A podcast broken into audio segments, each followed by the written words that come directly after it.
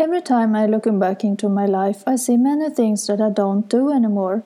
I'm trying to live my life as simple and healthy as I can, and I have made many changes over the past five years. In this episode, I will share with you 10 things that I don't do anymore.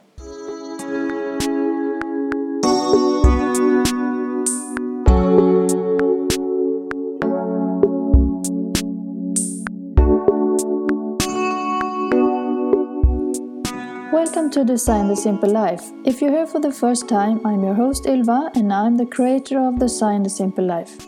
I'm so honored you're listening, and my mission is to inspire you into a simple life and lifestyle.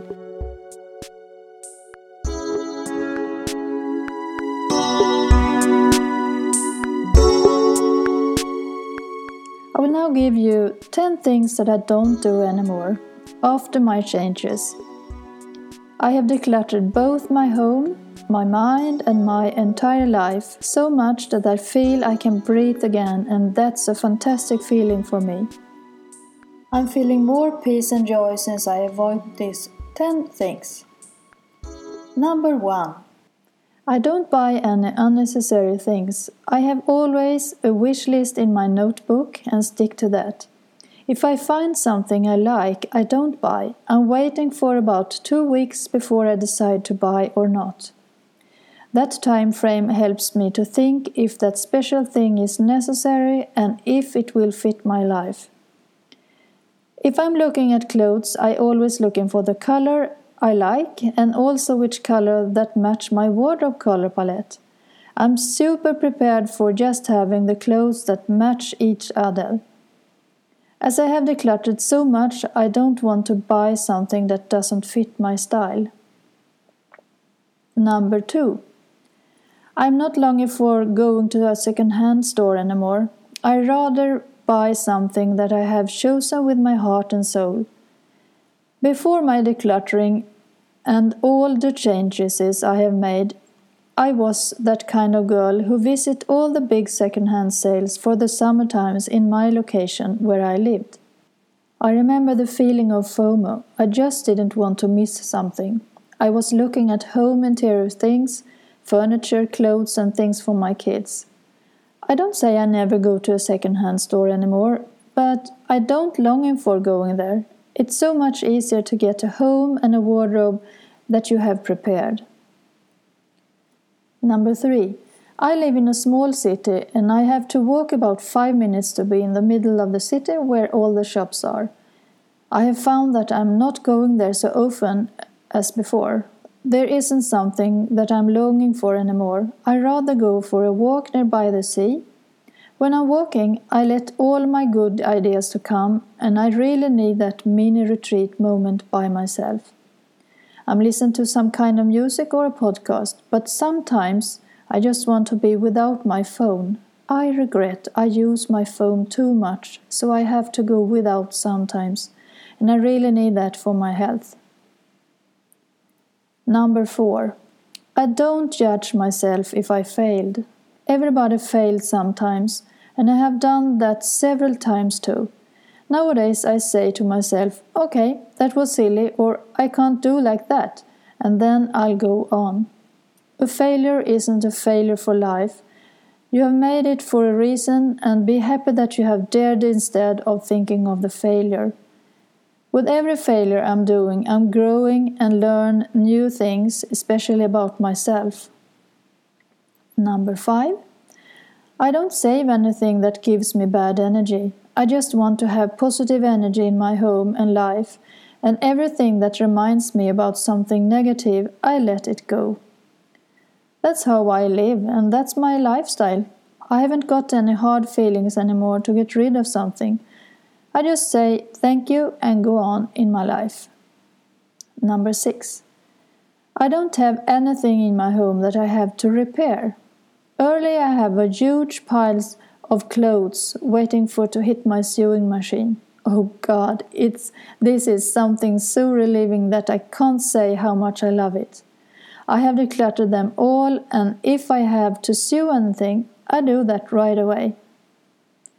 I have another energy for that now because I haven't any disturbing clutter anymore in my home. I also remember the huge piles of clothes waiting to be ironed. I don't have that anymore.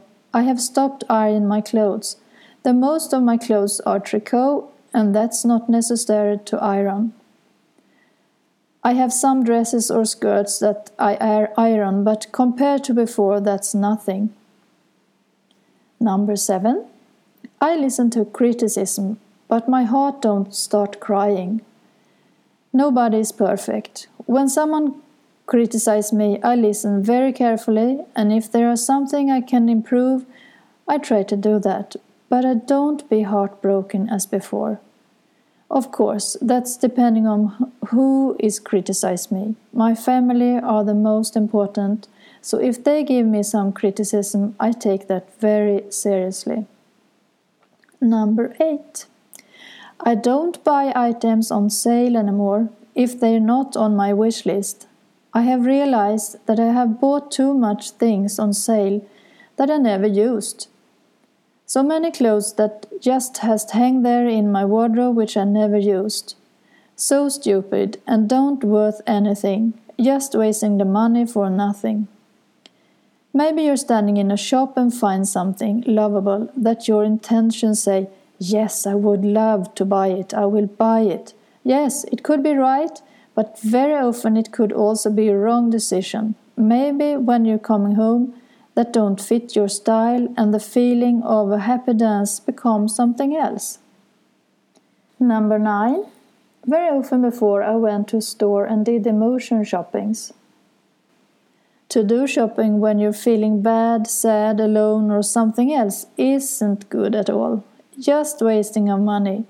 Every time I have done that, I felt afterwards that it wasn't worth it and I felt even more badly.